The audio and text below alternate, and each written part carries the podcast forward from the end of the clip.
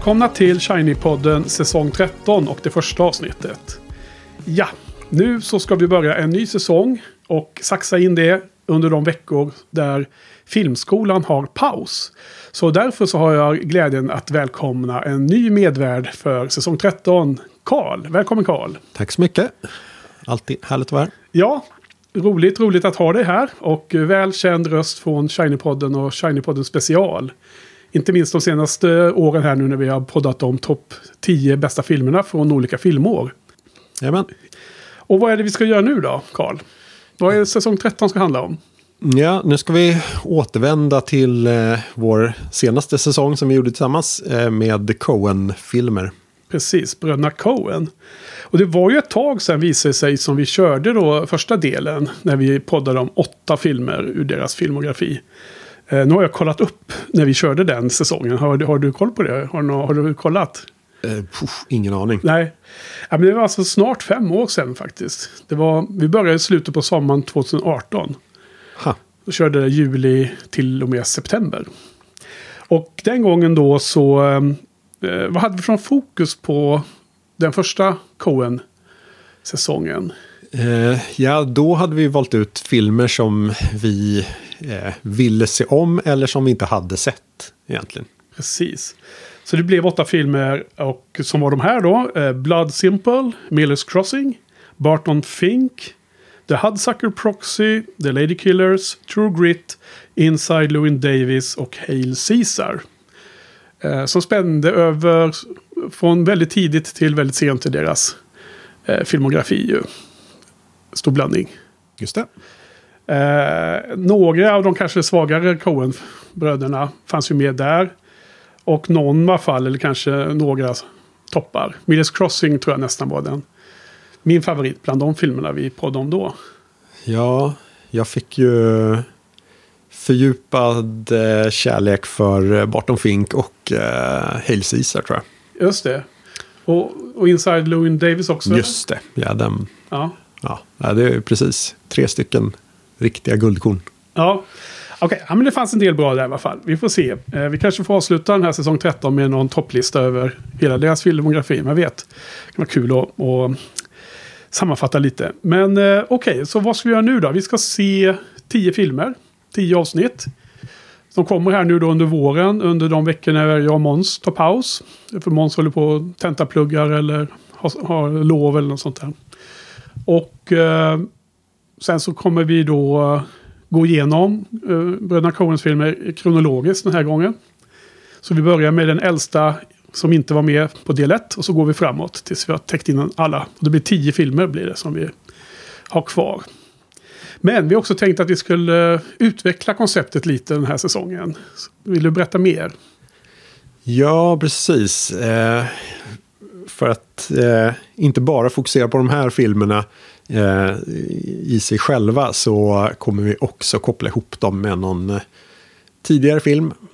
Någon helt annan film som eh, på något sätt som vi föreställer oss kan ha någon sorts koppling. Tematiskt eller eh, handlingsmässigt eller influens eller ja, vad som helst. Precis, och eh, för att vi har ju... Jag tror att vi båda kanske har sett alla de här bröderna Coen-filmerna som är kvar nu då. Så att vi har inte den eh, fräschören att se saker för första gången. Så det kan vara lite kul att se en film till. Så dels får man två filmer att prata om och dels får man något spännande sidoprojekt eh, så att säga i varje poddavsnitt. Exakt. Och det är också en hel del av filmerna som vi tidigare valde att inte prata om för att de kanske eh, har så hög status och det är så många som har eh, bearbetat dem. Just det, just det. Så kan det vara kul att eh, krydda anrättning med något annat också. Ja. Och det kan vara både filmer som var äldre än Bröderna Coens v- då film. Eller yngre om vi, om vi tror att, att de har influerat efterkommande filmer och så. Och ehm, så det, det kom vi ganska snabbt överens om att vi ville göra. Det var vi överens om. Och sen så gjorde vi så att vi tog var och en för sig och tittade efter vilka filmer vi skulle vilja koppla då till de olika titlarna. Och sen hade vi en liten sittning. Eh, och det visade sig slumpmässigt efter god eh, diskussion om eh, vilka vi tyckte kändes mest kul att ta, ta oss an. Så blev det faktiskt fem val vardera från oss. Fem filmer som du hade föreslagit och fem som jag. Så det kommer att bli en eh, kul blandning. Och ganska ofta är det då filmer som vi inte har sett, skulle jag vilja hävda. Mestadels va? Yes. Och då är det ju, har vi egentligen ingen aning. Vi, man har fått gå på, tittat lite på internet och en känsla man har i bakhuvudet och sådär. Att de här filmerna kan kanske vara, hänga ihop på något sätt eller ha någon form av beröringspunkt. Men ibland kanske vi slår helt eh, slint på det också, vem vet. Ja, då får vi försöka skohorna in någon, någon Ja. kopplingen då. Eller så får vi skämmas. Ja. Ja. Nej men så att det, det är väl det. Var det något annat vi ska säga om, eh, om eh, konceptet? Egentligen. Jag vet inte. Nej, vi, vi, vi får se Vi vad det blir helt enkelt. Men det är kul. Bröderna Coen är alltid bra. Och, eh, eller vi, vi får ju se nu. Ehm, det blir en annan intressant sak. Många av de här filmerna är ju nu några år på nacken. Och de har ju liksom slutat göra film ihop i alla fall för tillfället va. Ja, tyvärr. Så att, eh, vad sa du? Ja, tyvärr. Ja, tyvär, ja precis. Så på något sätt blir det nästan som ett litet bokslut också. Men en hel del av de här filmerna var ju bra länge sedan man såg. Jag menar, eh, en så omtalad och känd film som No Country from, for, for Old Men är ju en 2007. va? Just det. Och det, blir det är ju över 15 år sedan liksom man såg den. Så att, eh, och jag tror inte jag har sett den. eh, alltså, Jag har sett om den flera gånger. Men väldigt mycket mer i början då när den var ny. Eh, Har, har du sett om den någon gång? Nej. Du har sett den bara en gång? Ja. Precis, menar, och samma här då att det var väldigt länge sedan jag såg om den då i vilket fall. Så att det blir lite kul att se om de håller än idag. Verkligen. Så att det blir en spännande del av resan. Okej, och sen kommer vi då poppa upp här på feeden då när det som sagt blir eh, tillfälle. Och vi kommer inte hinna klart alla förrän eh, filmskolan är slut. Och då, då fortsätter vi med det här tills vi är klara. Jajamän. Okej, så vilka filmer är det vi ska prata om idag då? Ja, eh, den första Coen-filmen som vi inte har eh, snackat om tidigare är ju då Racing Arizona. Eller Arizona Junior som det blir på svenska. Direkt översättning till svenska. Ja. Ehm, och så är det då eh, Preston Sturges film från 1942, The Palm Beach Story.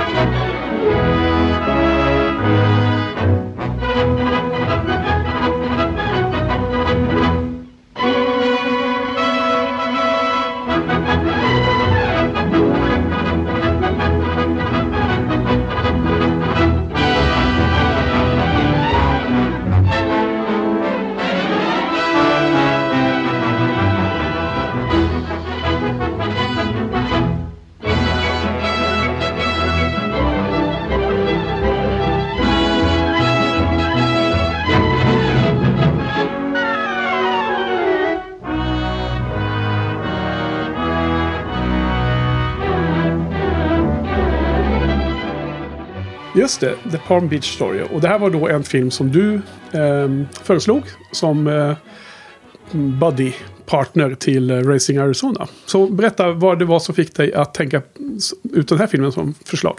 Ja, ehm, en av eh, de influenser som eh, eh är starka på Coen-bröderna är ju då screwball-komedier från den här tiden.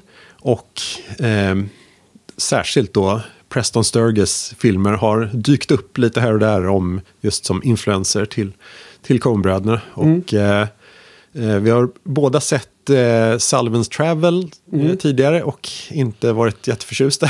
Nej, tror jag. det stämmer. Ehm, så då tog vi den här istället som är en av hans eh, eh, andra stora filmer. Just det.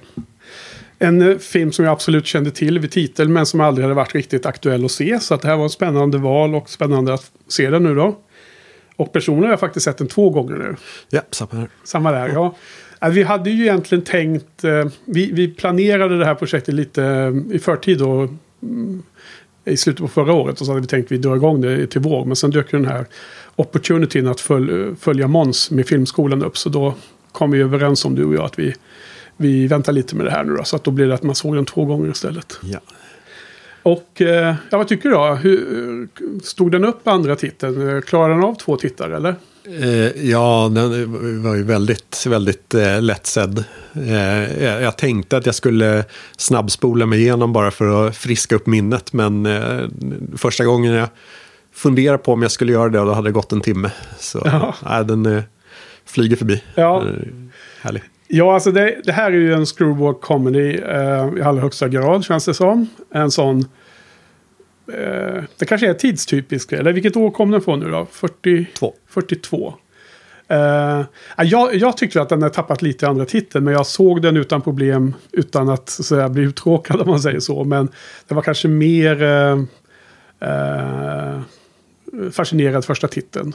Men sen är det ju, den har väldigt många roliga, alltså det är väldigt många kommentarer här på min note, mina notes här. Det är många roliga scener om man säger så. Ska vi eh, dra en kort synopsis eller? Ja, ehm, det kan vi göra. Um, Då får du göra det. Jajamän. Ehm, den har en bi- bisarr början eh, med ehm, ett par som eh, gifter sig. Eh, och sen får man då återuppta eh, kontakten med dem fem år senare. Då det knakar lite i fogarna. Eh, kvinnan i förhållandet eh, verkar tröttna på att eh, mannen inte har eh, fått en stadig inkomst. Eh, så hon tänker eh, lämna honom helt enkelt. Och det gör hon. Och tar sig till Palm Beach. Han följer efter och hilarity ensues. Ja, precis. Eh, precis, och det är det klassiska. Det blir förvecklingar och ska de älskande få varandra och sådär. Och olika bekymmer som de ska eh, gå igenom. Det är eh, den kvinnliga huvudrollen spelas av Claudette Colbert. Ja. Och sen mannen då Joel McCrea. ja, träbiten som också huvudroll i Sullivans Travel. Ja, han är extremt tråkig. Ja. Vilket är en, en stark svaghet i den här eh, filmen. Men hon väger väl upp det bra mycket va? ja, det får man verkligen säga. Ja. Fransyska från början. Visste du det? Nej. Pratar ju helt utan brytning faktiskt. Började precis i slutet av stumfilmserien och sen framåt. Och, eh, när jag sökte på henne på och googlade hennes namn så dök hon upp på någon sån här topp 25 bästa, mest klassiska skådespelare och skådespelerskor från eh, Hollywoods guldera. Och då är hon ju med där på den kvinnliga listan där. Ja, ändå lite undanskymd eh, roll. Alltså att jag, jag hade aldrig sett någonting med henne tidigare. Nej, precis. Jag menar, eh, på den listan nu då, de 25 kvinnliga namnen var ju idel väldigt kända namn alltså. Nummer ett rankad var ju Catherine Hepburn och så, som man kan applådera och andra, många som man bara känner igen hur, hur bra som helst. Och hon var väl en av de mer anonyma, men här sticker hon ju ut i den här filmen i allra högsta grad. Ja, precis. Man blir lite förvånad över Ja. att man inte har sett något tidigare. Alltså, jag, jag tycker att hon är bra. Men jag, jag sitter också och tänker den här filmen att den skulle kunna vara kunna bli castad med ännu mer kända namn faktiskt. Jag, jag, jag satt och funderade på vilka skulle jag vilja ha in liksom. Jag, jag tänker att i hans roll, eh, Cary Grant funderar jag på där. Eh, hans, eh, han har spelat flera gånger sån här lite taffliga karaktärer med, med stor humor. Tycker jag. Monkey Business och eh, Bring Up Baby och sådär. Och sen hon där då. Det är svårt att inte tänka på Marilyn Monroe. Eh, med tanke på likheterna i filmens handling på ett sätt med eh, It Hot där. Med de här tågscenerna och de ska ta sig till eh, Florida. Ja, nej, det kunde man ju verkligen tänka sig. Särskilt med eh, alltså, det som hela historien handlar om. Som hon hela tiden eh, pratar om hur mycket hon kan glida på en räkmacka tack vare att hon är ung och vacker. Ja. Eh, det kan spela verkligen- männen till sin fördel hela tiden. Ja, så, ja. Det är också intressant eh, att du drog i synopsisen där att hon eh, så har tröttnat på sin man. För att jag tycker också, jag tycker faktiskt att storyn är lite så här att hon, hon ska ju göra ett, en, vad heter en heist här egentligen mot någon rik man. för att ge sin äkta make chansen med sitt projekt som han inte får finansiering till. ja, det där är intressant eh, alltså, hur man tolkar det. Är, är det hennes plan från början eller är det något som hon bara halkar in på längs vägen? Nej, jag, jag uppfattar det som att det är hennes plan. Redan när hon ska lämna honom i sin eh, handväska och ropa efter taxi så ska åka till tågstationen så eh, när han försöker stoppa henne så säger hon saker som indikerar att hon liksom tänker så redan då, tycker jag. Nej, intressant. Ja, lite eh, kul och i och för sig om det skulle vara en ambivalens där och så också. Nej, men så att hon är, hon är lite charmerande. Jag, men, men på vilken grad på skalan är det egentligen? Alltså hon är inte, jag blir inte så blown away som vissa av de andra namnen på den här listan jag nämnde. Nej, och som du säger, man kan ju lätt föreställa sig den här filmen recastad med andra och den skulle absolut inte bli sämre. Så, s- absolut. Ja. Det finns många, många, men det hänger väl ihop med den gyllene eran att eh, eh, det var pr- producentdrivet och eh, kanske Ja, manus studio, studiodrivet, att man tog de stjärnor man har anknutna till precis. sin studio. Och så att eh, stjärnorna i sig är ganska utbytbara. Ja. Ja, det är kanske lite så från den här eran. Ja, Och samtidigt är det ju de olika stjärnornas bästa filmer som man knyter an till än idag. Ja, eh, precis. Så något är det ju. Så det, om det hade varit någon med mer eh, star power så kanske den här Palm Beach Story också hade varit eh, i nivå med Philadelphia Story eller något sånt där. Att Det är sånt som folk fortfarande tittar på. Ja, och sen är det också lite lustigt det här att vi har, ofta skrattat åt att generellt sett äldre filmer tar slut väldigt snabbt. Att helt plötsligt så, alltså två minuter före man vet att filmen är fysiskt slut.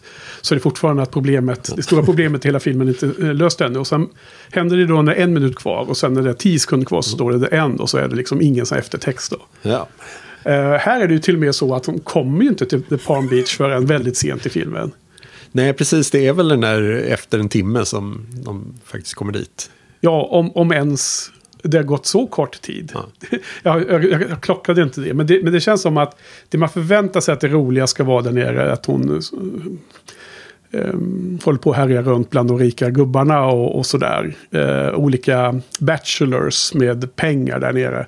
Men det sker ju egentligen på resan visar det sig. Och nere i The Palm Beach i i handlingen så är det mer eller mindre en lokation inne i ett eh, stort sommarhus då till den här rika, rika mannen som hon fiskar upp på tåget av en ren slump.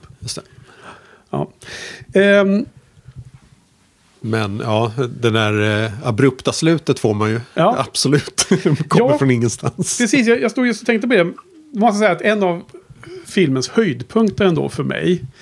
Uh, nu kommer vi ju spoila såklart vad som händer och vad som är roligt i filmen. Det är ju en väldigt gammal film så att vi, vi får låta lyssnarna själv bedöma om de vill lyssna på spoilersnack eller inte. Men det, det ingår här. Alltså, i förtexterna så är det ju då allt annat än sån här tråkig bara svart bakgrund eller något sånt där. Utan man får se en snabb version av ett, en, typ en hel långfilm ungefär.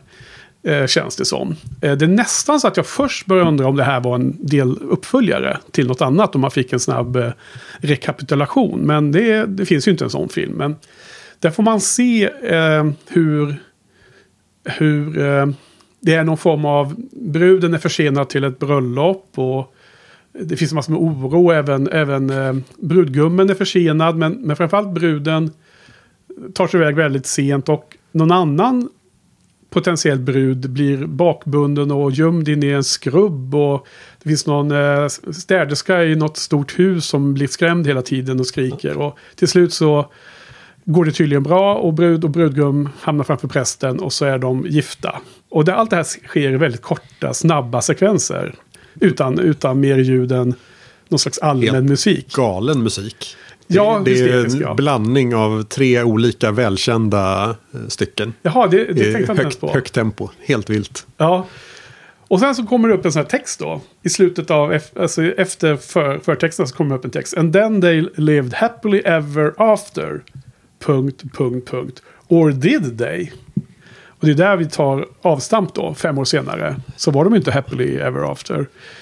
Och sen så blir det ju en boken i slutet då, där, där när det är liksom typ två minuter kvar då av filmen så har vår kvinnliga huvudroll bestämt sig för att gå tillbaka till sin äkta make och dumpa den här rika bachelorn, den här världens rikaste man som då är ogift.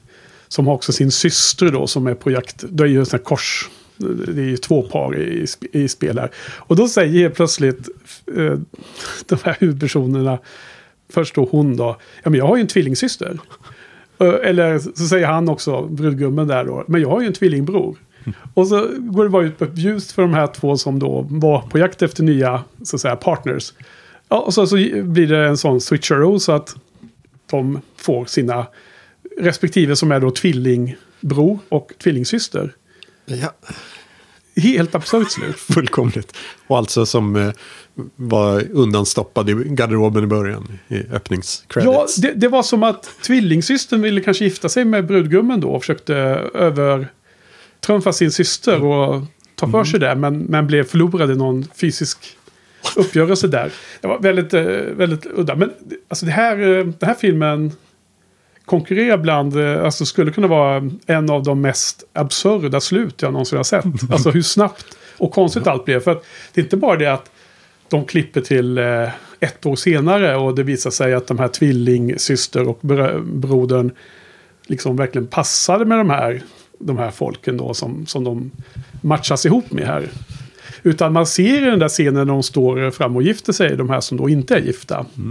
Att hon tvillingsystern ger ju den här konstiga min som, att, som indikerar som att vad är det här för något? Vad gör jag här? Ja. Och, och vem är det här som står bredvid mig? Det, det känns som att hela... Det, det, försöker göra ett skämt där, Sturges, eh, med sista scenen då också. Ja, verkligen. Eh, den är ju ganska hänsynslös med hela konceptet med äktenskap. Ja, Eh, och det, det känns ju nästan som att det här var någon så här pre-code-film. Men istället så är väl att den pressa eh, de... Eh, ja vilka delar i, i, i koden är det du tänker på att den pressar?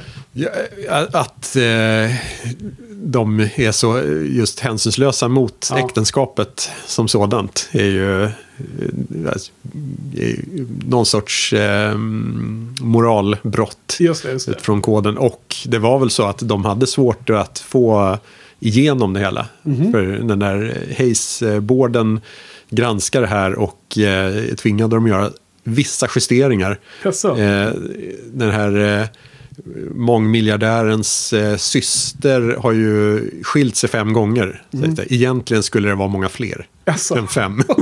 Men de fick kompromissa ner det till fem gånger så fick de ha det. Just det, hon, hon beskrivs som vara riktigt så här i farten. Hon, hon, hon tycker som har gift sig och man, man vet redan då att det inte kommer hålla. Men det är kul att gifta sig. Och han, han eh, den miljardären då han nu hette, jag kommer inte ihåg vad han hette i Hackensacker. Hackensacker, ja.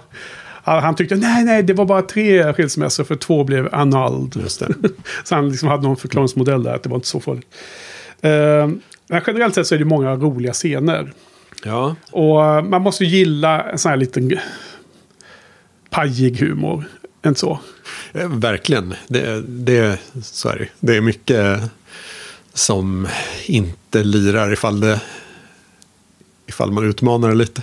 Ja, det, det är liksom inte humor som är karaktärsdriven. Det är ju mer såna här konstruerade situationer känns det som. Ja. Alltså, karaktär, eh, folket i filmen beter sig på ett visst sätt för att det ska passa manus, inte tvärtom va?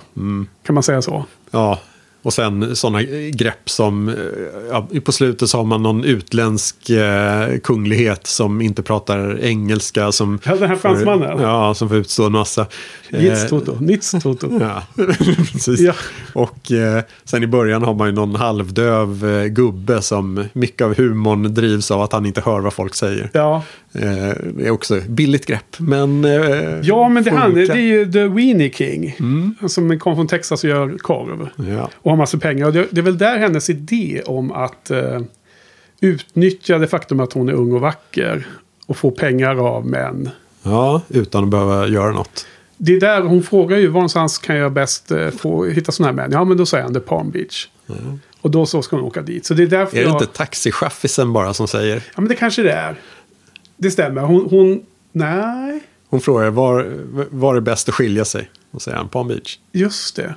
Ja men det stämmer absolut. Men någonstans får hon...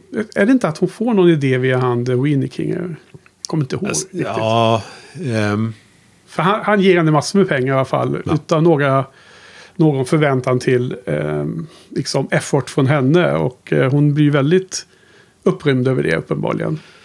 ja, eh, precis. För, för då börjar filmen med att eh, hennes make då har ju en helt absurd eh, projekt, idé. Han ska alltså bygga in en hel stad och ha en flygplats som tak, på taket av staden.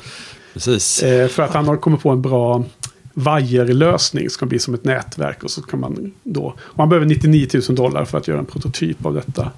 Och eh, de har så ont om pengar i övrigt så att de ska hålla på att bli vräkta från sin flådiga loftlägenhet in i, på Manhattan. Och eh, det är därför hon har börjat ruttna på situationen då. Måste hitta, lösa problemet själv får man känsla av. Ja. Ja, Ja, men det, det är den där typen av helt oväsentlig bakgrund som då skapar en motor i den här eh, skojiga eh, kala, kalabalik. Eh, vad som händer i, i resten av filmen då. ja.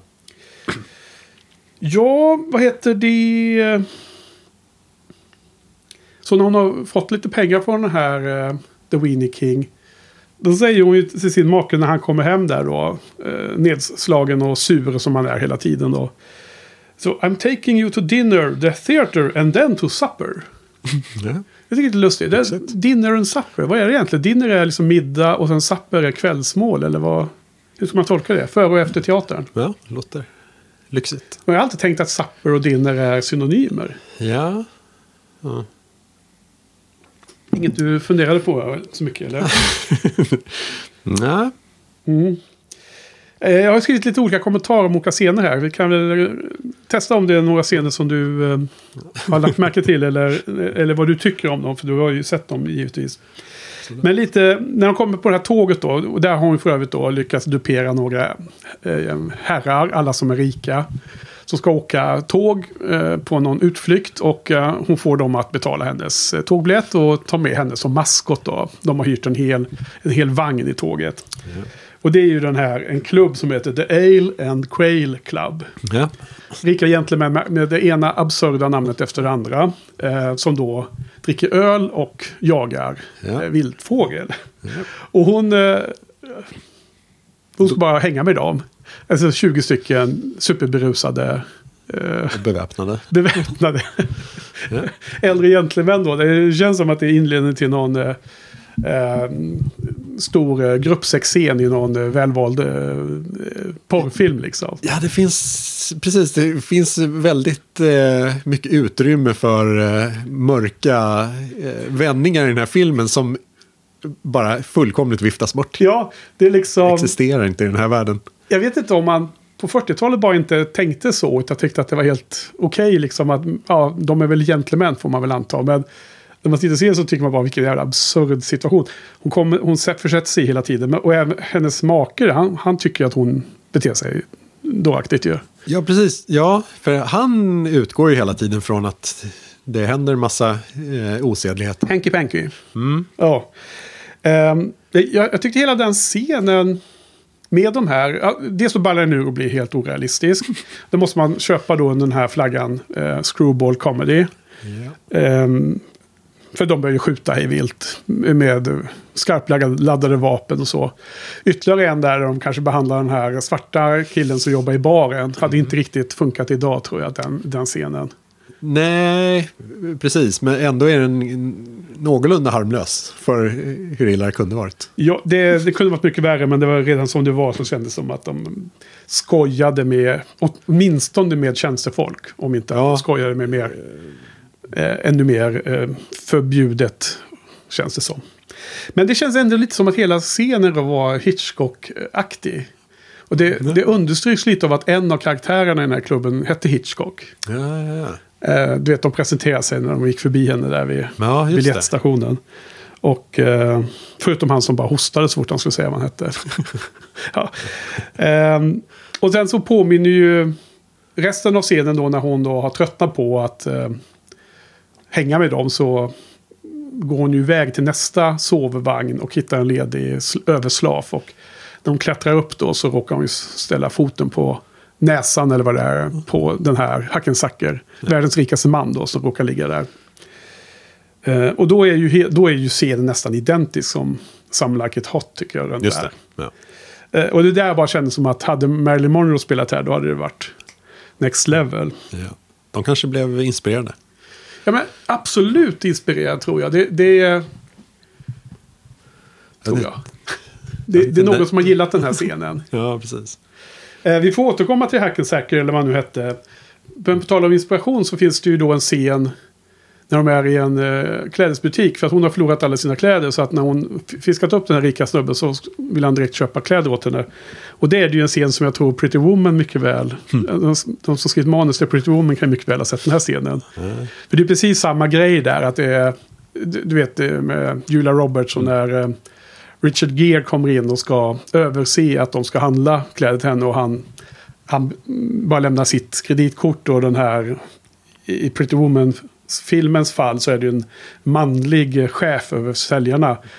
Och så säger Richard Gere så här att ja, du måste ju ha serious uh, sucking up här nu liksom. Och, så, och då börjar den där mannen och, och berömma Richard Gere i filmen. Kommer ihåg den scenen eller? nej, nej, nej, du ska ju så berömma henne. och det, det är precis samma dynamik här liksom. Fast här är det en kvinnlig försäljerska med, Ja. med tysk brytning. Hon är hysteriskt rolig. Det här är min favoritscen i hela filmen. Ehm, vad, vad, vad tyckte du? Ehm, ja, den, den höll. Den höll, det var inte fäste lika mycket. ja, men det var den, den, den, den scenen som jag tyckte var så roligast när jag såg om Mm. eh, The Palm Beach Story. Hon har ju roligt uttal och hon säger roliga grejer. Ehm, liksom hon, eh, hon visar upp någon dress då på, på vår eh, kvinnliga huvudroll. Och då säger han det här säkert. We'll take it. Och då repeterar hon precis vad han säger på ett lustigt sätt. Och hon, hon liksom har ju fattat viben här liksom. Så att hon, hon eh, spelar ju... Hon förstår ju att, hon, att den här rika mannen kan köpa mycket mer än vad vår huvudperson förstår. Så bland annat då så låter hon ju henne testa en eh, typ överdel som är kort i ärmen då. då för att här, där ska hon ha sitt eh, juvelarmband. Och där lade du märke till det att hon, hon stöter ju på vår kvinnliga huvudroll med armbågen när, när hon får frågan om hon vill ha ett armband. Det. Innan det, det jättedyra armbandet kommer fram. Så en rolig liten gest där hon manar på sin adept. Nej, den var ju rolig tycker jag i alla fall. Och sen hamnar de på hans lyxyacht och ska de åka båt ifrån, vad är de, Jacksonville eller något sånt där. Så ska de, eller någonstans och så ska de åka vidare då till Palm Beach va? Ja. Eh, var det kul? Där börjar den tappa fart. Ja, exakt. Är det inte så att filmen har, är lite ojämn i tempo eller? Ja, precis. Det blir lite färre personer där. Och, ja, Ja. tills eh, alla lyckas komma ner dit. Just, just på båten så är det bara de två. Men ja, Ja, även om det är en ganska rolig liten kommentar när han, eh, servitören kommer och frågar om de ska äta inomhus på båten eller ute på däck. Och sen så väljer de inomhus och han säger det, Hackensacker, att det, det är liksom o... Det är härligt med båt men eh, äter man ute på däck så blåser allt iväg hela tiden. Så som eh, båtägare och så, så tycker jag själv att det var en lite lustig kommentar. Och så sa han. Eh, ja, ja. Och sen kommer de ner där till eh, sitt slut... eh, ja, destination. Och då har ju hennes make då också träffat på The Winnie King. Och också fått pengar helt utan att fråga om det. Utan bara, Ja. Han bara världens eh, humanist. Liksom. Han ser någon person som behöver något. Ja, men här får du 700 dollar. Det verkar ju det som går hem hela tiden. Det var väl ganska mycket pengar på den tiden, 40-tal. Så då har han ju flygit ner och, kom, och är ju där och väntar på henne på kajen. Ja, och sen är det lite mer craziness. ja, precis. Ja. Men just eh, där med The Weenie King, där tycker jag att eh, det är kanske som bäst eh, screwball-skrivet och eh, kanske där det kopplas till eh, Cohen eh, rätt bra också. Eh, han spottar ur sig en massa saker om eh, hela sin business. Mm. Och så slänger han in där på slutet, först till henne, eh, om just att han har tjänat massa pengar på sina korvar. Men ät dem inte om du vill leva längre. Ja. Eh, och sen till mannen så är det någonting också om, ah, jaha, ehm, Just det, för han har ju fel och tror att mannen också jobbar i korvindustrin. Ja. Så ja, just det, jag jobbar också där. Det finns mycket pengar att hämta ifall man kan eh, hitta billiga råvaror. Ja. Bara slänger in de där små underminerande kommentarerna om sin egen business. Ja. Att det han gör är ju bara skräp, men han tjänar bra med pengar på det. Ja, men vad är det, vad är det som eh, gör den här filmen till en bra screwball, tycker du då? Um, ja, det är just sådana där saker. Att de eh, petar in uh, flera nivåer och skämt på uh, mm. hela tiden. Ja. Och att det är lite snabba vändningar. Och, sen är det lite att det är också de här bisarra karaktärerna. Som ja. är lite over the top karaktärer. Lite, även om hon nu var Colette var härlig så eller Claudette hette hon ju. Claudette, ja just det. Så är väl egentligen eh, birollskaraktärerna som var kanske mest eh, underhållande i filmen. Håller du med? Eh, ja, men samtidigt så är det väl ändå, ja, det vilar ganska mycket. Det, det är de som står för mycket av humorn, mm. absolut. Men mm. sen att det krävs att det, man har någon eh, någorlunda charmig person att följa med. Att... Så när du ser den här filmen, ser du den med, med textning på eller lyssnar du bara på, på Det här dialogen? såg jag nog otextat. Ja. Och kör du med man... hörlurar då? Eller så att man ja, verkligen hör vad de ja, säger? Ja, precis. Alltså får man bräka på så jäkla högt inne i filmrummet om man ska ha utan text och ja. ändå höra tydligt vad de säger. Ja, precis. Jag kör alltid med hörlurar. Jaha, ja. ja jag, jag har ju här, även i filmrummet kan jag köra med hörlurar. Jag har en lång sladd. Mm. Så jag kör det ibland. Eh, fast det är lite bökigt att ta fram den och sådär. Så att ja. hörlurarna. Så då. Men ja. Okej. Okay. Ja, nej. Ja, jag vet inte. Jag, jag, jag tycker uh, Screwball filmer från den här eran är lite hit, hit or miss. Mm. Um, jag tror inte att du är någon stor fan av uh, Bringing Up Baby till exempel. va? Ändå ja, den har sin skärm. Ja. ja, men det är som en favorit hos mig då. Jag tycker ja. den är väldigt rolig. Men det är ju då Cary Grant och Katherine Hepburn. Mm. Det är liksom som vi pratade om tidigare lite att det blir... Man eh, gillar de, eh, deras energi eller aura. Ja. Adderar mycket i filmen tycker jag.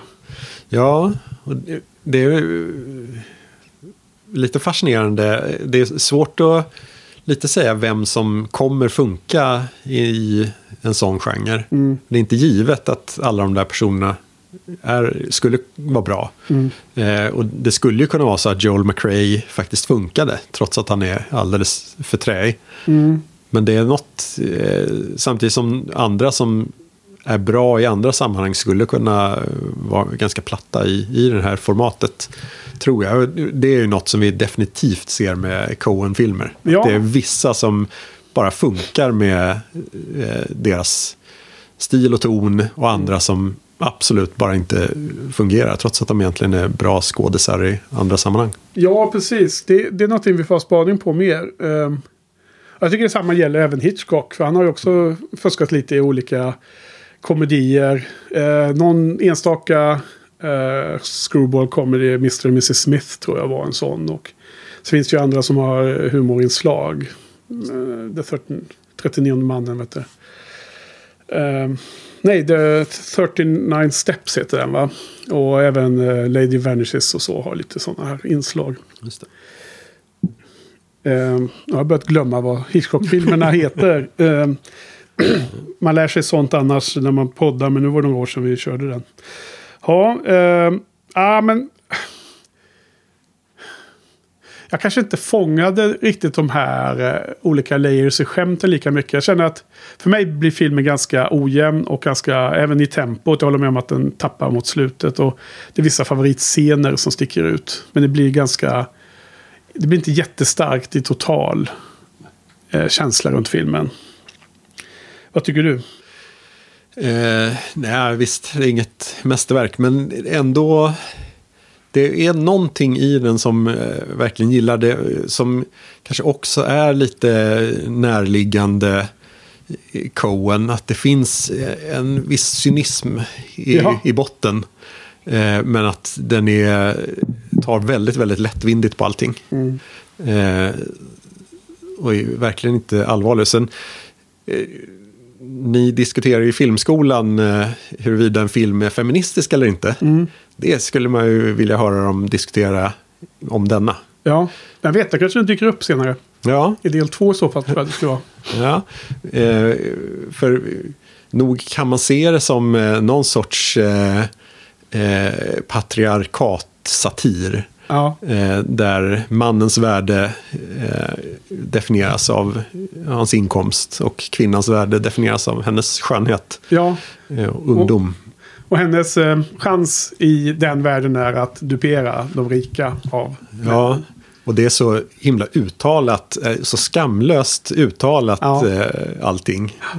Så att det verkligen är i, i texten att hon gladeligen eh, just tycker att eh, det, det är kvinnans väg framåt. Att, Ja, eh, precis. Den, eh, den lättsamheten runt det och att inte ens ge en sekunds problematiserande av den här, det här faktumet är ju en slags eh, förstärkt nivå. Det är någon slags eh, overklighet i det hela. va? ja, verkligen. ta sig ett steg ifrån någon form av realism. Och, eh, ofta är väl kanske screwball comedy en sån värld. Liksom. Ja, lite, lite heightened Ja. reality. Eh, det är svårt att se att det här skulle vara... Ha någon som helst ambition att vara realistiskt. Liksom. Ja, nej. Ja. Och därför så blir det ju inte liksom farligt då för henne att göra det hon gör. För att allting nej. är ju bara farligt om det står i manus att det var farligt. Ja, precis. Nu gick det ju bra, stod det i manus. Så det var bara att kasta sig in i det. Ja.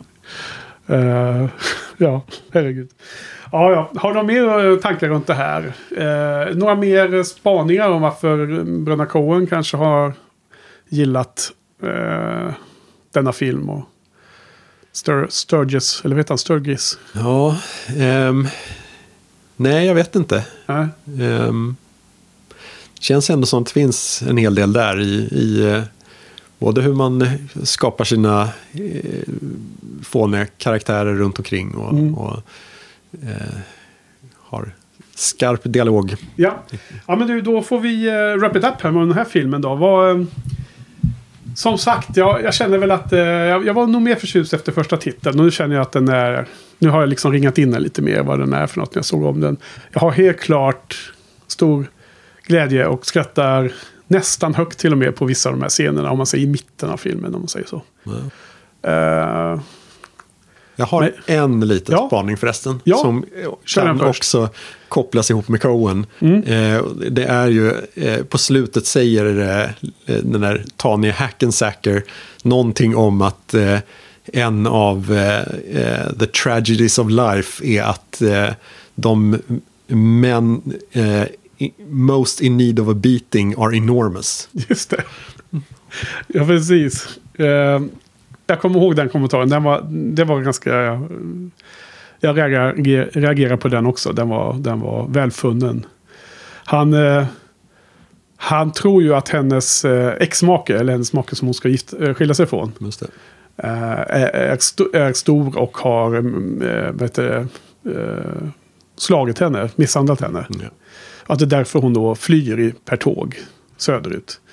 Ehm, så det är nog alla förvecklingar. Nej, men det, det, det kopplar du till Bröderna Coen på vilket sätt då? Det, det känns som en, eh, eh, något som skulle existera i deras universum. En, en sån kommentar? Ja, Eller, eller ett sånt faktum? hela konceptet Ja. eh, också. Ja. Precis. Eh, ofta är, ja exakt. Det Man tänker lite på Fargo. Bart, Barton Fink, ja precis. Eh, man skulle lätt kunna se någon i Barton Fink fälla en sån kommentar. ja, just det. Precis. De intellektuella, smarta typerna känner sig överlägsna. Men, men när de väl ska komma till kritan så är de andra motståndarna så himla stora så de vågar inte göra något ändå. Ja, De tar ett steg bakåt. precis. Ja, ja jag höll på och eh, avsluta där och kunna landa i en betyg. Men jag, för mig är det en tvåa, stark tvåa. Alltså helt okej film. Men eh, eftersom jag har mitt lite skeva betygssystem så blir det så. Just det. Eh, Ja. Jag tycker inte den är tillräckligt bra för att egentligen ge en stark re rekommendation om man inte är specialintresserad av något. Det var hårt. Ja, kanske var hårt. Ja, jag, jag tror att tre och en halv eh, har jag nog Ja, satt. ja, Den är bättre än eh, medel. ja. Såklart rekommenderad. Har du sett mycket eh, screwball Nej. comedies? Men jag har inte det. Nej. Det är 40-tal då? något jag behöver fylla på med. Ja. Ja, ja, men det var, var, var bra. Men det kanske finns stora möjligheter att eh, komma, komma och se fler då. Av olika skäl. Hitta på olika projekt. Precis. Ja, men du. Eh, det var nog där då. Då går vi vidare så har vi en film till idag. Och då är det ju den första som vi inte hade sett i del 1.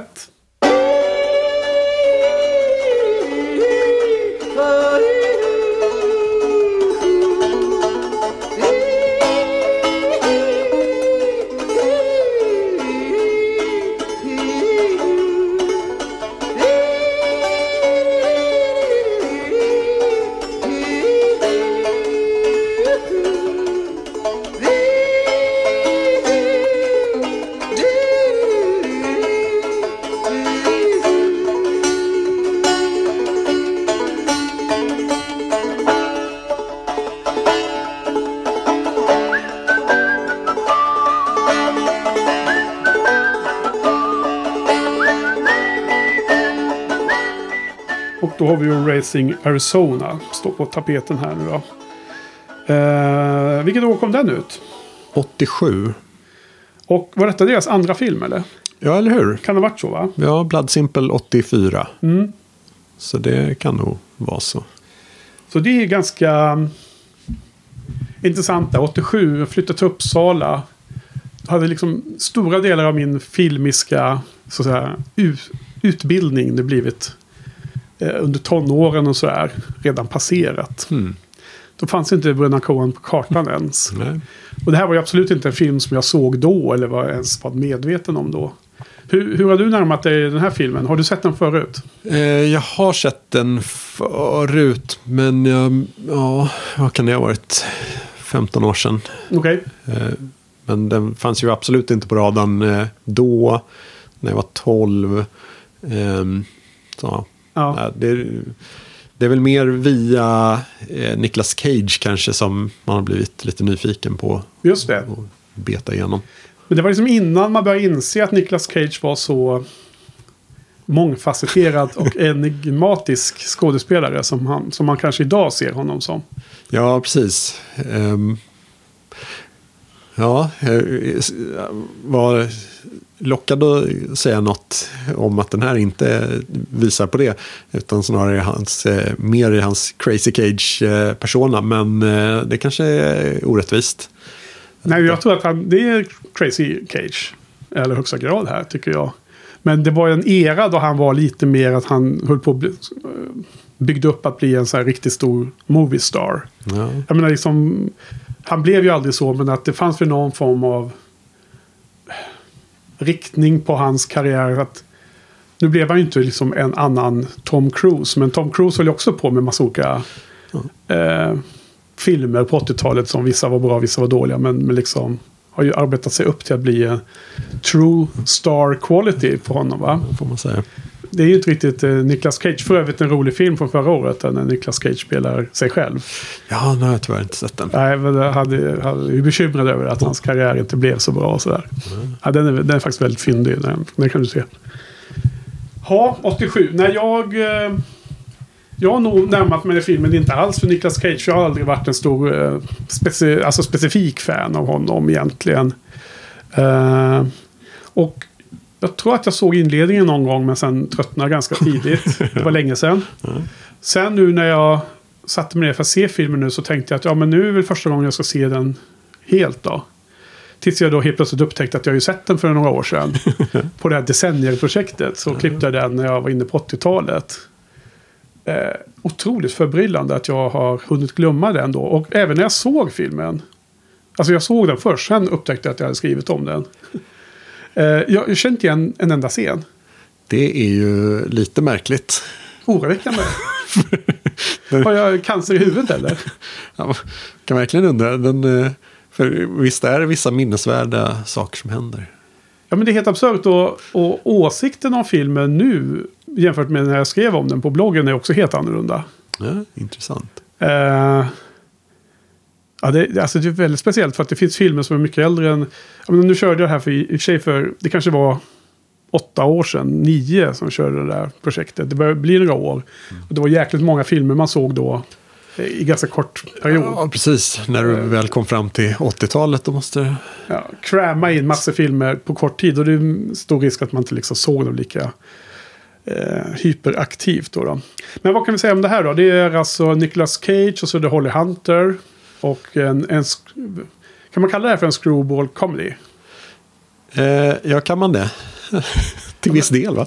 Ja, det är ju i alla fall den, den typen av komedi som eh, bröderna Coen verkar ha. Ja. Ja. ehm. de gör ju all, sällan några riktigt rena genrefilmer. Alltså som riktigt landar bekvämt i, i en genre. Så det finns ju alltid lite influenser lite här och därifrån. Ja, Ehm, alltså om jag skulle försöka hitta på någon uh, subgenre under komedi så är det lite mer quirky comedy. Mm. Kan, det, kan det stämma in på något sätt? ja, jag undrar. Det är ju ja, en märklig kriminalhistoria. Men eh, Ja, precis. Ehm, de är då... Han är en skurk. Åker ut in i fängelset och hon är polis. Han blir förtjust. Kommer ut från fängelset och friar. De gifter sig. Hon kan inte få barn. De läser om en familj som har fått femlingar. Som skriver i eh, en kommentar i artikeln. Att det nästan är för många för, för oss att hantera, säger eh, föräldrarna där i, eh, i artikeln. Och då så kommer våra hjältar, våra huvudpersoner på att då kan vi gå åka dit och hämta en ju. Nattetid. Ja. Vi kryper in genom fönstret och tar med sig en av ungarna. Och sen så blir det eh, skojigheter fortsätter. Precis. Ja. ja, men den har ju helt klart en hel del om man säger... Det finns ju delar i det här som man förstår hur Fargo blir som en naturlig utveckling av en sån här film. Va? Ja, verkligen. Eh, något crime och något, massor med absurda karaktärer och sen en, en liksom galen story ungefär som man Ja, följer. precis. För om man tänker sig hur de eh, utvecklas från Blood Simple. Ja. Väldigt eh, ren eh, liten ja, men det är väl nästan noir, noir-film. Ja, precis. Och här inledningen börjar ju ganska noir-influerat med eh, Nicolas Cage voiceover där han förklarar hur han har, eh, ja, om hans eh, Mm, kärlek, resor. kärlek till henne. Ja, och just den här resan in och ut i fängelset. Och Ja.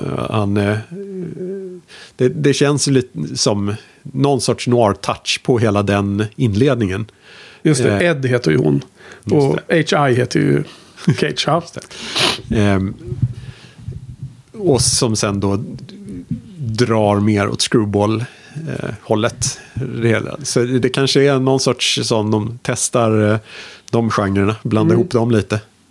Och sen eh, utvecklar de konceptet ganska mycket till senare. Ja, därför att både Blood Simple tycker jag har en väldigt tydlig idé och känsla. Som är väldigt konsistent.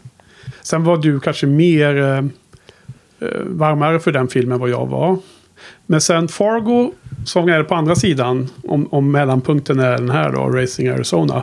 Tycker jag också har mycket tydligare idé. Ja. Mycket mer konsistent och mer eh, solid som film överlag. Eh, och den kommer vi också till nu under del två. Mm, det blir spännande. kommande avsnitt någon gång. Ehm,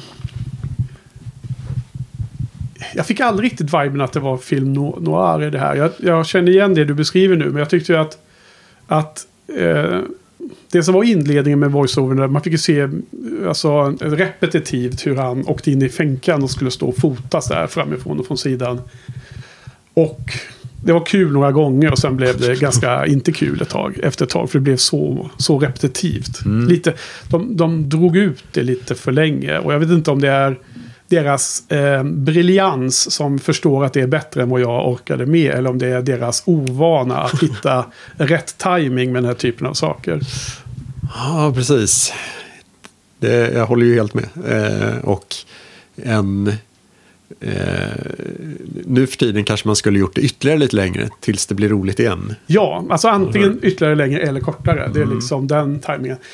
Eh, sen då, vet du förresten om den här filmen, anses den som en eh, tung, eh, bra, top, top of the line Coen-bröderna eller är den liksom en minor Coen? Jag har fått intryck av att det är en sån som kan vara en favorit hos vissa. Men då kanske inte hos eh, sådana som vurmar jättemycket för Coen-bröderna överlag. Nej. Den sticker ut lite. Det, det, några av dem vi betade av eh, förra säsongen är också sådana som sticker ut lite. Mm. Hudsucker Proxy. Ja, den som Sofia gillar så mycket. Ja, som eh, verkligen är en eh, renodlad screwball. Mm. Så det känns det som att det finns vissa likheter där. Att de sticker ut ganska mycket från. Ja, och The Lady filmografi. Killers är en annan sån. som är till och med Ja. en remake från en, om, det. om inte Screwball så är det åtminstone en komedi. Men den kan väl ingen tycka om. Nej, precis. Men alltså, jag är inte speciellt impad av den här filmen nu då. Om man säger så. Ja, nej. Eh, jag vet inte riktigt vad det är som inte greppar tag i mig. Alltså dels är det ju lite förvånande att jag inte kommer ihåg att jag såg den för mer än tio år sedan. Eh, det säger någonting, gissar jag. Alltså jag, jag, jag känner ju igen vissa scener, men, men också är det så att ibland finns det det allmänna filmmedvetandet. Den här, eh, den här eh, motorcyklisten som ser ut som tagen från The Road Warrior. Just det. Så för det är beskrivet om den här eh, pappan, den rika pappan då till de här barnet som blir kidnappat. Kallar honom, han ser ut som, eller vem det nu är, ser ut som en rockstar kallar han honom. det är en rolig kommentar faktiskt, en av de roligaste i hela filmen tyckte jag.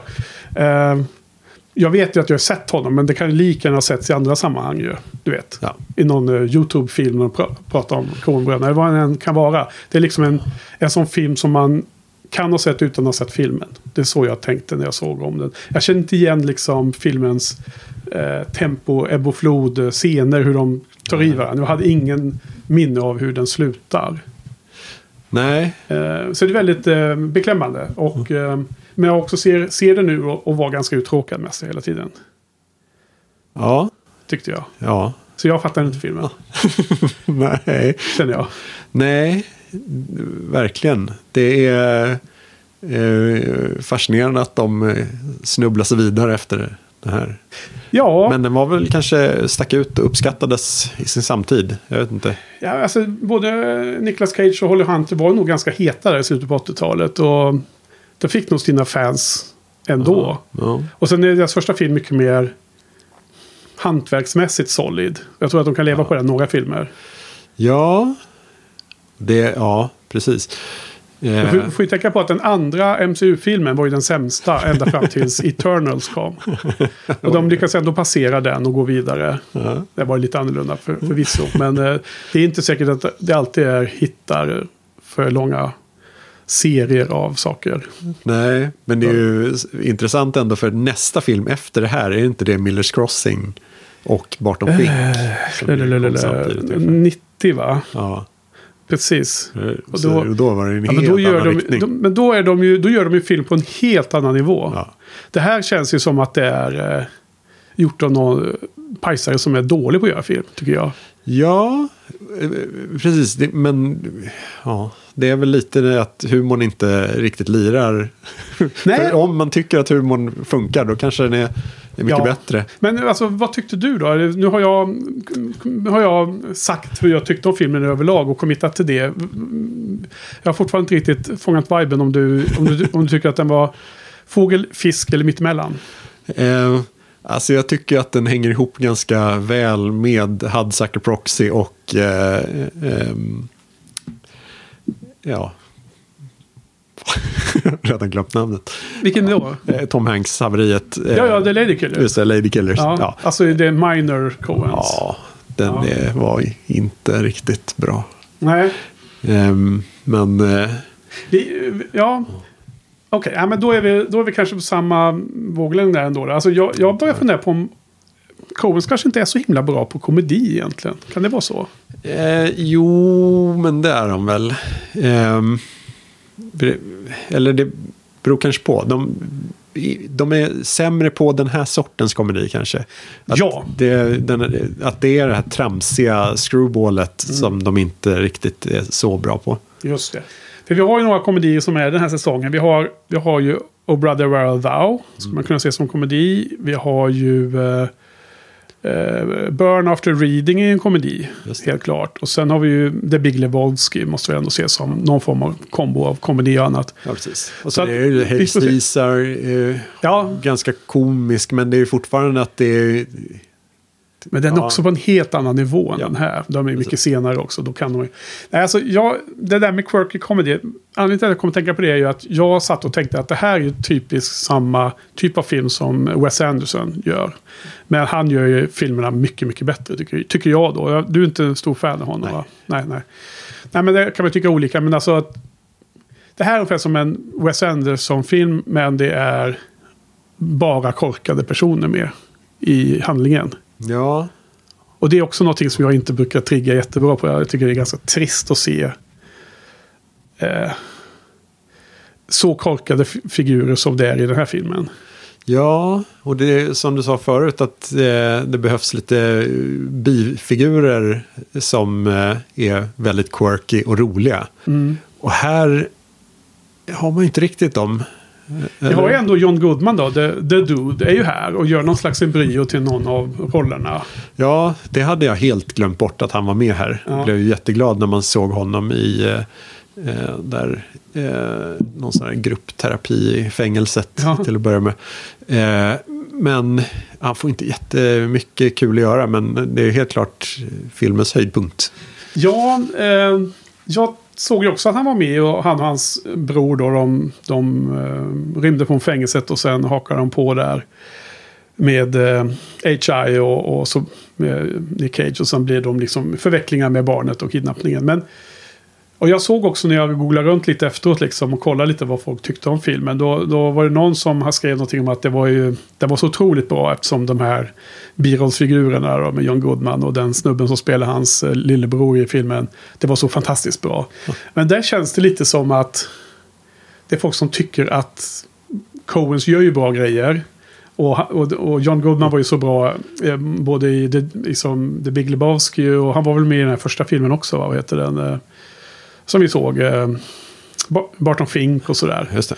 Så att man liksom har ett, ett, eh, en, ett tyngd på sig att tycka att det här är bra. För att man lägger ihop pusselbitarna. Det är Coens, det är John Goodman. Ja, då är det bra. Och kanske därför jag också, jag gav den 3 av 5 då när jag skrev om den. I eh, bloggprojektet Decennier. Eh, Den är inte i närheten av en trea för mig nu. Och jag undrar liksom, kan jag själv ha...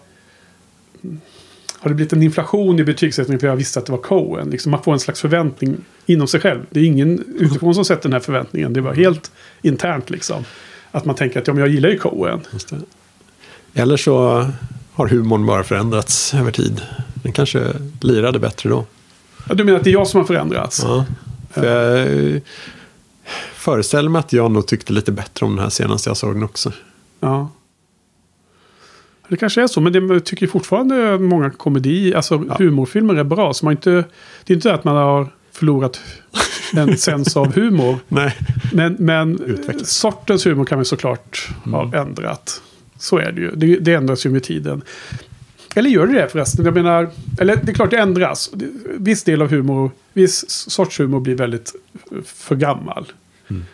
Daterad och förlegad. Men det finns ju komedier ända sedan 20-talet och alla decennier genom filmhistorien finns det ju komedier som jag, jag skulle kunna plocka ut här och säga det här är min favoritkomedi från det året. Eller från det decenniet. Absolut. Men här, är, det känns eh, som väldigt 80-taligt på sina håll här. Att ganska mycket av humorn är en massa folk som bara skriker. Ja, det gillar vi inte. Nej, det, men det känns som att det har man sett i polisskolan och ja. lite sånt där. Det var roligt då. Det ja, det var ju min kommentar runt uh, Spike, Spike Lees uh, Do the right thing. liksom förvisso inte en, uh, bara en humor, utan något helt annat egentligen. Men den skriks också hela tiden. Den är ju från 89. Det gick väl hem då kanske? Ja. Ja. Vad tycker du om Nicolas Cage uh, ja, insats då? Det är ju lite också positivt ändå. Jag tycker att han lirar perfekt här. Att ja. det funkar faktiskt. Eh, han är väldigt rolig. Nervig. Ja. Och är verkligen kul i, i sitt uttryck. Allt det här. Sen eh, är det ganska mycket tramsiga scener som ändå inte är roliga. Men det ja. han bidrar med är ändå lyckat. Gör, gör han några val då tycker du? Inte så mycket som han eh, kanske brukar. Mm. eh, det är väl eh, generellt eh, är väl Coen-bröderna sådana som är ganska tydliga med hur de vill ha det. Och de ska, ha det de, får, de ska få det de vill ha av en skådis. Så det kanske inte finns utrymme att göra så, så himla ah, mycket. Menar, de, de styr sånt. Det är väldigt lustigt det där hur olika regissörer jobbar. Där vissa lämnade väldigt mycket åt skådisen att ja. eh, bidra med en tolkning. Men här, de, de styr sina skådisar hårt eller? Eller så är det bara i manus, att man absolut inte får improvisera. Det är kanske bara att du ska leverera det vi har skrivit. Men hur man levererar kanske man, okay. man får styra. Jag vet inte exakt. Men, eh, det är som Quentin Tarantino och Joss Whedon. Där är det liksom ordagrant. Ja, det man skriver. Det är genomtänkt. Richard Linklater är väl helt tvärtom. Ja. Liksom du får uh, spela, uh, förstå din karaktär. Och säga det karaktären borde ha sagt. Just det. Mer eller mindre verkar så. Men han, eh, ja, Niklas Cage lyckas ju med att vara allvarlig och ändå vara rolig. Ju... Man har en viss nivå av sincerity i sitt, eh, i sitt uttryck här i filmen. Ja, det håller ja. jag med om. Men det förstörs lite av att man, det är liksom... Det är ju nästgårds, det är ju väldigt nära Chevy Chase eh, Päron till farsan-filmerna. Mm. Liksom där de, när de bor ute på vischan där i öknen så känns det nästan som att det är en scen ifrån eh, Päron till farsa eh, på, i Las Vegas. Ja, ja. jag, gillar ju dem. Det är ju det är komedi, rent, det är ju komedi utan liksom en slags ambition. Mm. Här, eh, Bröderna Kroner känns det som att det här görs ju med en form av ett lager av ambition på som, som gör att det, man ställer högre krav på att de här pajiga scenerna måste verkligen funka liksom. Tänker jag. Jag vet inte. Niklas Cage, jag är som kluven till honom. Jag, jag gillar många av hans eh, prestationer. Och jag menar, det var ju bara några, två år sedan eller vad som den här filmen Pig kom.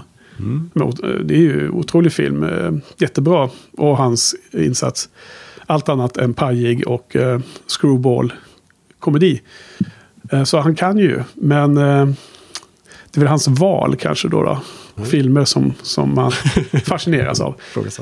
Eh, när jag tittar över min text från då åtta år sedan eller nio eller när det nu var. Jag såg den.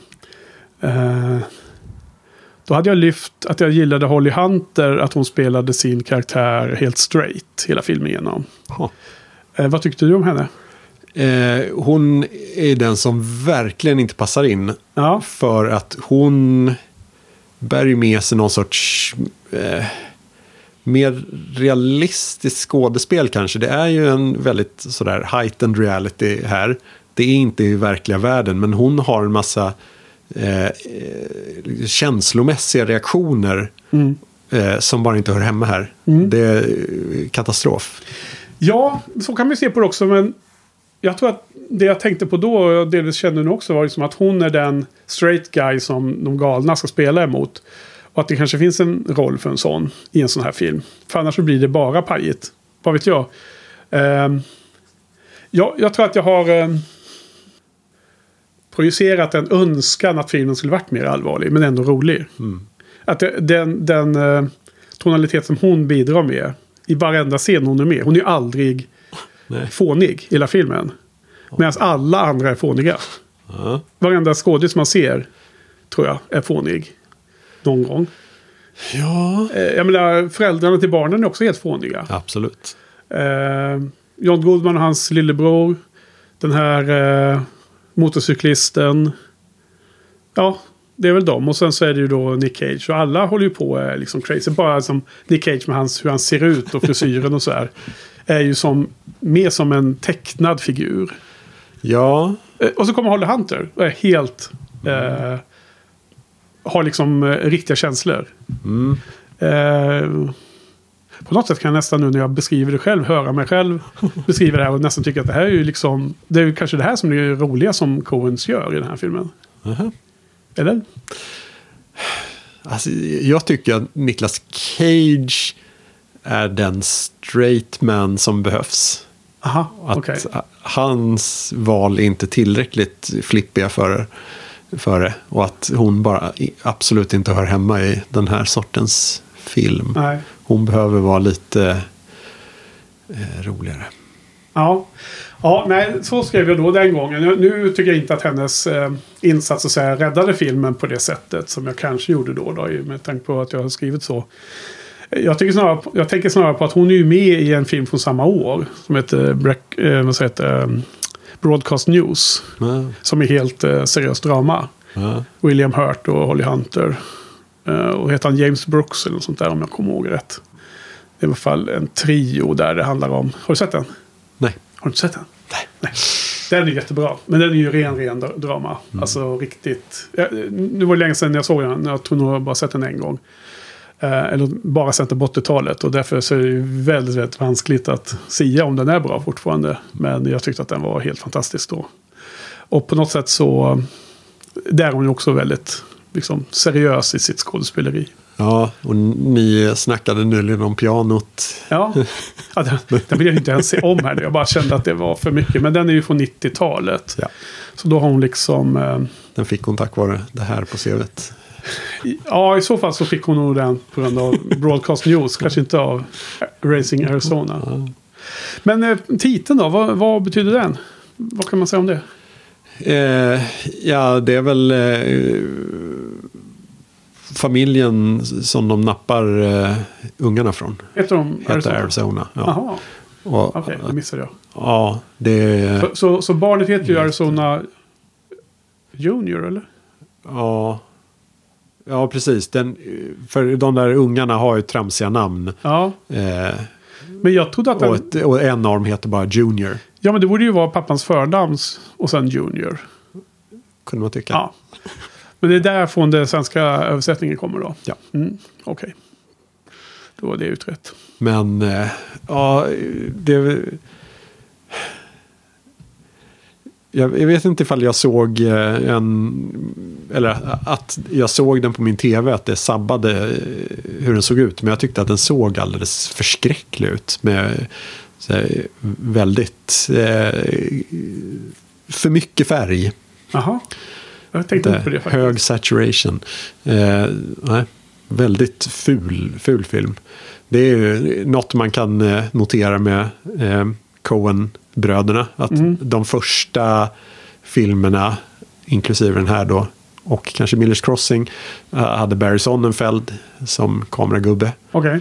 Eh, och sen har de ju haft Roger Deakins senare. Mm. Att det är en himla alltså Millers skillnad. Crossing är ju inget dåligt med fotot. Nej, Det är ju en av styrkorna i den filmen, har jag för mig. Ja, det, och även eh, Blood Simple ser ju okej ut. Ja. Men eh, det är ändå klasskillnad mellan. Det här är ju väldigt simpelt, men jag, jag kommer inte ihåg att jag, att jag la märke till något så att säga filmtekniskt eh, misstag eller något sådär. Men tänker man tillbaka på filmen så känns det ju mer som en eh, Netflix-film eller en tv-film liksom i vissa... Ja, Jag, jag, jag köper din spaning utan att ha lagt märke till den själv. kan vara ett dåliga inställningar på min tv. Ja, men så kan det varit också såklart. Eh, eh, det finns alltid den risken, men... Eh, nej, men det känns ju inte som att speciellt rimligt att hävda att det här eh, lever på sin excellenta cinemag- cin, cinemat Fotografi. Ja. Tografi. Just det. Eh, det var anledningen till att man inte skulle använda det engelska ordet där. Det. Filmfoto. ja. Okej, men mer om Screwball Comedy och kopplingen till The Palm Beach Story. Kan vi göra några direkta kopplingar? Det, är bara genren som sådan eller? Ja, alltså, det var några saker som jag tänkte på där de använde fiffiga knep för eh, komisk effekt. Och det är när de slänger in fler personer att leverera. Till exempel hans eh, parole board. Ja, Eh, då eh, de förhör honom för att se om han är redo att släppas ut. Att där har man ju tre personer som då får köra växelvis eh, Ja. dialog. den var oftast ganska fyndig får man ge, Eller hur? ge, ge filmen. Den var Ja, rolig. Och sen senare så har man två polis, eh, inte konstaplar, men eh, poliser. Som också är två stycken som då växelvis levererar sina repliker. Och då Ja. blir det också lite roligare. Ja, Eh, så det är lite fiffiga knep för att eh, få fart i eh, dialogen, leverera Ja. humoristisk dialog. så, såg vi sådana grejer i The Palm. Beach Story? Eller ja, kanske med det där gänget på tåget med Ja. Alien Quail-gänget. Alien Quail och även i slutsekvensen när de var där. Då var ju fyra, fem personer med i rummen hela tiden där när de var nere. Hackensackers och systerns fina hus. Och så var de ju, plus den här fransmannen då. Jitsnitsmannen. Ja, ja, men det är väl kanske en eh, bra spaning. Ja, men också ganska väl använt gissar jag. Ja, filmer. precis. Det är ju verkligen inget eh, från Sturgis. Nej, nej. Men, men det känns ändå som ett sådär medvetet eh, Ja. eh, screwball-koncept. Just Eller bara ja, komedi. Vilka är det som är eh, mästarna av Screwball? Är det eh, Billy Wilder, han Lubitsch? Ja, Howard Hawks har väl gjort några Ja. vassa.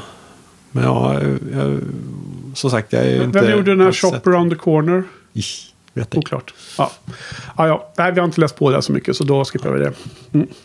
Har något mer om den här filmen? Jag har inte så mycket mer Nej, tankar om den faktiskt. Eh, det var ju också en liten eh, snygg detalj eh, i början när han håller på att nappa de där ungarna. Då, eh, vilket för övrigt är Ja. en lång och ganska tråkig. Ja, väldigt Scen. utdraget. Väldigt utdraget. Väldigt, väldigt dålig komisk timing i den. Men där är det ju en eh, situation då en unge kryper in under en säng och han drar ut den i benet. Ja, Eh, som ju sen återkommer på slutet när, han, när Nicolas Cage försöker krypa in Ja. under en bil och blir Ja. utdragen av... mot cy- cykelmannen. Ja, det var... Eh, känns som att där hade de kommit på en tanke. Det här blir roligt. Och så Ja. tvinga in hela den där långa jättetråkiga scenen i början bara för att få Ja, nå, nå fram till det där. Och den var ju, det var ju ganska kul vinklar på den. eh, Mm. Rent filmtekniskt då igen där då. Eh, man fick de perspektiven som blev kul i det. Och så blev den boken. Den håller jag med om. Det, det var väl... eh, Det var väl kanske de två... Den dubbelscenen som var hela fröet till hela filmen. ja. Det känns som att det kunde lika gärna varit så att Joel eller Ethan kom och tänka på att den där skulle jag vilja skjuta. Hur, hur hittar vi på en bra story runt det här? Mm.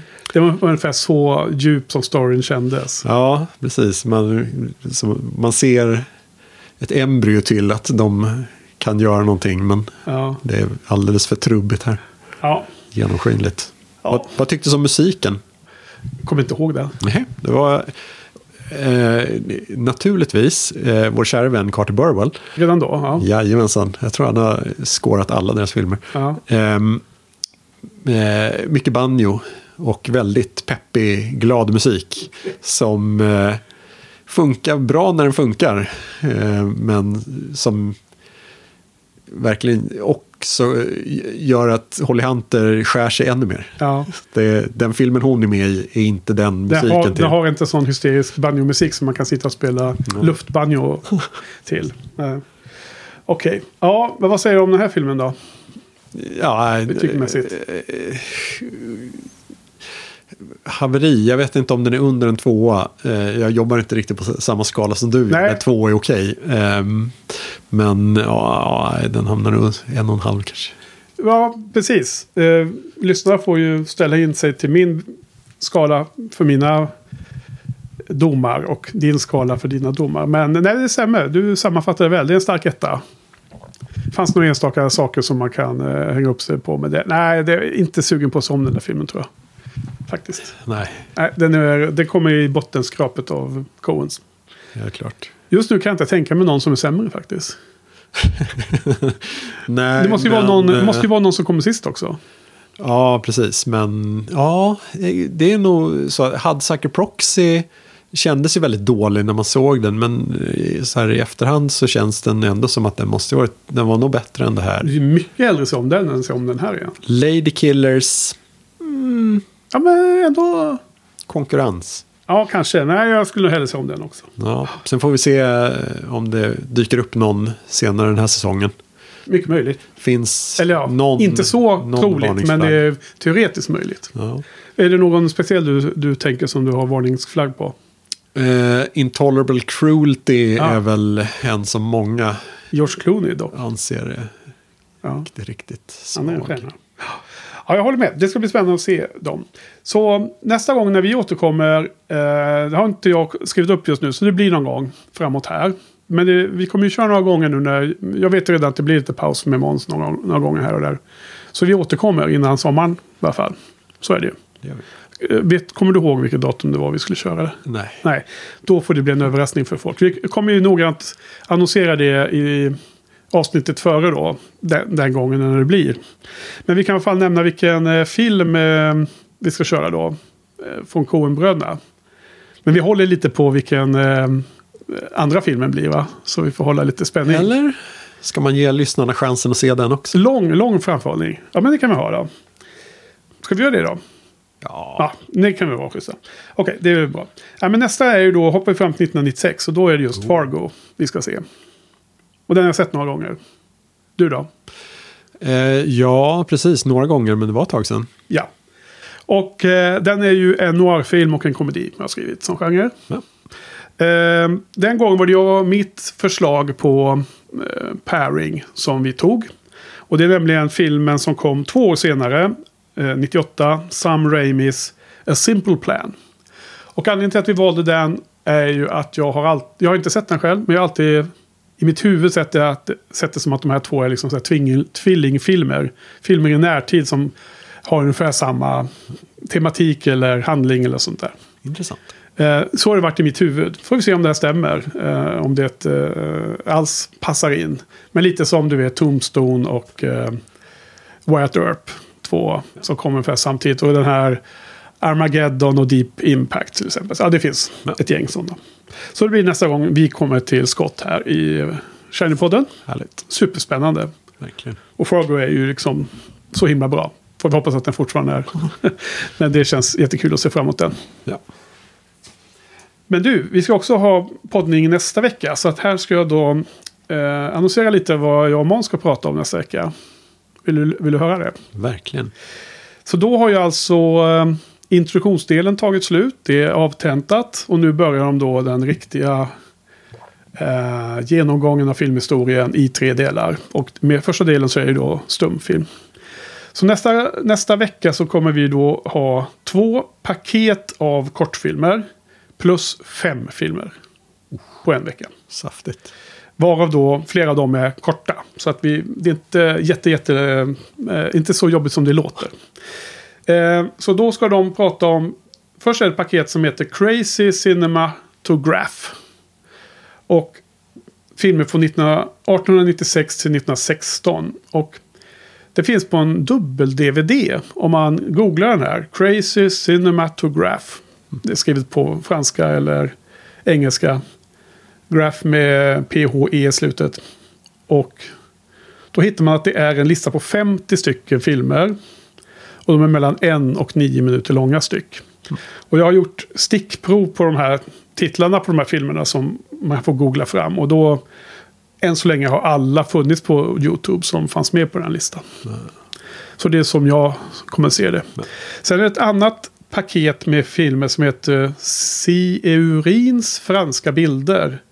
Och det var 19 filmer som en svensk ingenjör med namn Emil Seurin köpte när han var nere i Frankrike. Och det är filmer som är från runt 1900 då. Och de har jag inte hittat någonstans. Och jag vet inte vad de heter på franska så det är svårt att identifiera dem. Mm. däremot så finns det andra filmer som han hade samlat på sig. Eh, bland annat filmer som spelades in i Höganäs år 1901 från någon industri där. Cool. Och de, de, finns på filmarkivet.se om man vill titta på dem. Men jag tror att det här kommer det vara en blindspot för mig så får Måns rapportera hur det var. Så det var de här två paketen då. Um, ja, en, en och två minuters filmer och sånt. Så att det är mer, har man lust så kan man sitta och titta igenom dem på YouTube. Sen var det de här filmerna då. Och då började de lustigt nog med Peter Jacksons Forgotten Silver. Från 1995. Och det är ju då en dokumentär, en låtsasdokumentär om den nyzeeländska Colin McKenzie. Som då enligt den här dokumentären är en pionjär in, inom eh, tidig internationell film. Så att jag har inte sett den, men jag känner ju väl till titeln. Ja, aldrig talas om. Uh, ja, men det, ja, när, när det blev känt att Peter Jackson skulle göra trilogin då, Sagan om ringen, så kom jag ihåg att det alltid eh, rabblades vilka filmer han har gjort innan. Det var ju helt annorlunda än fantasy. Det. det fanns ju stor, stor eh, skepticism till det då. Blev det ju hyfsat bra ändå då till slut. Uh, den är bara 53 minuter, så det är inte en, det är en kort, lång uh, fullängdsfilm. Sen ska vi se en film från 1913 som heter Suspense, som är gjord av Philips Smalley och Louis Eh, Weber. Det är ett drama på 10 minuter. Eh, jag kan alltså tillägga att Forgotten Silver, Peter Jackson-filmen, den ligger på YouTube. Hittar man där. Suspense ligger också på YouTube. Sen ska vi se en film från 1915 som heter The Sheet. Eh, det är Cecil B. DeMille. Sånt känt namn. Man känner till, som har hört om. Jajamän. Tycker jag. Det är en drama på 59 minuter lång, lite längre. Och den finns också på YouTube. Sen ska vi då se Sherlock Jr. Oh. Från 1924, Buster Keaton den filmen som kanske är ännu snäppet mer känd än uh, The General. Som du hade med på din uh, Sight and Sound-lista. Det är en actionkomedi på 45 minuter. Det ligger på YouTube. Och sen sista filmen för kommande vecka är den svenska filmen av Viktor Sjöström från 1921. Kör Karen. Ja. Uh, det är drama och fantasy. 107 minuter lång. Så det är den enda som är riktigt fullängdsfilm. Väl värd att se. Ja, jag har inte sett den nu. Men har ju den haft den på radarn länge. Och den finns inte på YouTube. Och den låg på SVT Play till och med för en vecka sedan idag. Aj, aj, aj. Till och med för ja. två veckor sedan nu när lyssnarna kommer att lyssna på det här. Till och med den 8 februari 2023 låg den där. de spelar den på nyårsdagen tror jag. Okay. Eftersom den utspelar sig på nyårsnatten. Ja. Så har de och, och, den, och den är bra alltså? Jajamän. Ja. Härligt. Så att ett gäng kortfilmer, ett gäng filmer som är under en timme och sen då den här. Som är då en mer fullängdare. Så det blir en del för mig att sätta mig in här nu och mm. matcha eh, Måns eh, studier. Och det är då nästa vecka. Sen har jag också här framför mig för eh, kommande två veckor efter det. Och då är det ju eh, fortfarande stumfilm hela vägen. Och det är liksom ett antal varje vecka där några av dem är så här kortare då. Och det kommer upp en hel del kända filmer här kan jag säga. Ha. Så det kommer bli jättespännande. Verkligen.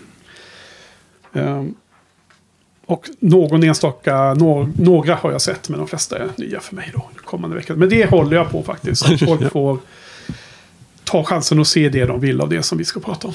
Ja, skoj att höra. Mm. Men det var alldeles för idag va? Jajamän. Ja, då säger vi så.